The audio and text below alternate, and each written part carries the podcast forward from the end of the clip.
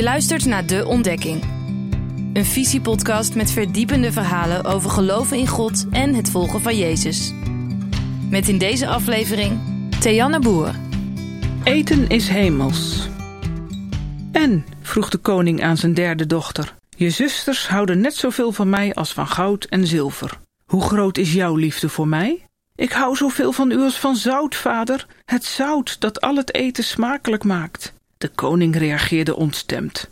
Zout, dat op de markt maar een paar cent waard is, dat lang zo lekker niet is als suiker, verdwijn uit mijn ogen. We proeven er vier, en volgens de laatste inzichten zelfs vijf. Zoet, zuur, bitter, zout en umami, hartig. Deze basissmaken zijn in talloze verschillende verhoudingen door ons te ervaren via receptoren op onze tong. Een ander belangrijk instrument om smaak te ervaren is onze neus. Wie niet kan ruiken, beleeft een stuk minder plezier aan eten. Ook de tastzin, het voelen, speelt een rol. Ik lust wel kaas, mama, maar niet in een plakje, zei mijn zoontje laatst. Als we dat onbekende umami, google er maar eens op, even buiten beschouwing laten en de vier vertrouwde smaken op de Bijbel loslaten, levert dat mooie vondsten op. Want er wordt wat afgegeten door Gods uitverkoren volk in dat land van melk en honing. Eten is relatie, eten is geluk, eten is hemels. Wie in de Bijbel zoekt naar bitter, vindt Mara. Het water waar de Israëlieten gulzig van drinken en wat zo verschrikkelijk vies was dat ze nog liever doodgingen van de dorst. Ik heb me altijd afgevraagd hoe dat water gesmaakt heeft. Een verklaring voor de bittere smaak zou kunnen zijn dat de bronnen bij Mara bedorven waren doordat het water van de Nijl daar niet ver vandaan veranderd was in bloed. Hoe dan ook, het was een bittere pil voor de dorstige Hebreërs. Net zoals de dood van man en kinderen dat was voor Noomi. De ontzagwekkende heeft mijn lot zeer bitter gemaakt, zei ze. De woorden Mara en Mirre komen van dezelfde stam. Mirre is op een bijzondere manier verwant met de dood en het lijden. Het is een hars dat pas uit een boom stroomt als je een inkeping maakt, als je de boom verwondt. Het smaakt ontzettend bitter, maar als je het brandt, gaat het heel zoet ruiken. Door lijden en dood heen ontstaat loutering en leven. Waar doet ons dat aan denken? Zuur komt bijna niet in de Bijbel voor. Zuur was de wijn die Jezus te drinken kreeg toen hij gekruisigd en gemarteld riep dat hij zo'n dorst had. Van die wijn die te lang gestaan heeft en die al lang weggegooid had moeten worden. Alleen Johannes vermeldt dat Jezus er ook van drinkt, waarmee Psalm 69 vers 22 vervuld werd. Mijn belagers lesten mijn dorst met azijn. Zuur was het lijden aan de mensheid.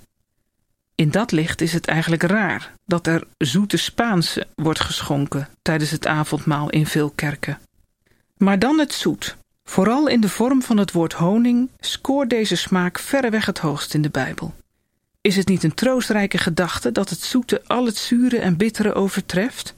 Uiteraard is de liefde zoet in de Bijbel. Lees Hooglied er maar op na. Maar ook het woord van God is volgens de psalmen en spreuken een zoete ervaring. Proef en geniet de goedheid van de Heer.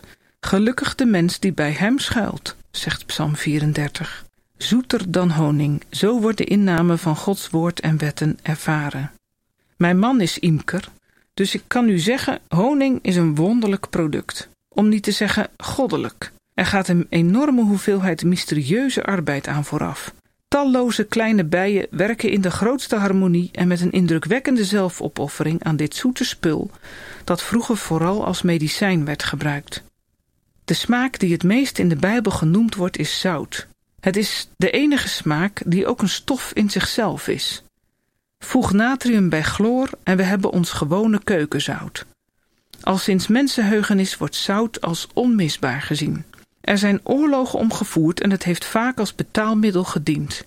Woorden als soldaat en salaris zijn van het Latijnse sal afgeleid. Door zout te gebruiken wordt bederf tegengegaan. Voordat de diepvries zijn intrede deed, werd voedsel in zout bewaard. Zout zuivert. Het moet volgens de voorschriften in Leviticus aan alle offers toegevoegd worden. Op die manier werd het offer geheiligd. Bij het sluiten van een verbond werd zout als symbool gebruikt. Pasgeboren baby's werden ingewreven met zout. Dat kun je lezen in Ezekiel 16. En Elisa zuiverde een bedorven bron met zout. Knoop dit allemaal aan elkaar en we snappen dat Jezus zijn volgelingen de even onzichtbare als onmisbare rol van zoutend zout meegaf. Het evangelie van Marcus geeft daarvan de meest intrigerende versie, Marcus 6. Wij worden door God gezouten en dat stelt ons in staat om in vrede met onze naasten te leven. We moeten er dus vooral voor zorgen dat we het zout in onszelf niet verliezen. Pas jaren later dacht de koning weer aan zijn onterfde dochter. Dat was toen de zoutvoorraden in het land uitgeput waren en al het eten flauw en smakeloos werd opgediend. Dankjewel voor het luisteren naar deze Visiepodcast. Vond je het leuk? Geef ons dan even een beoordeling in je podcast-app. Tot volgende keer.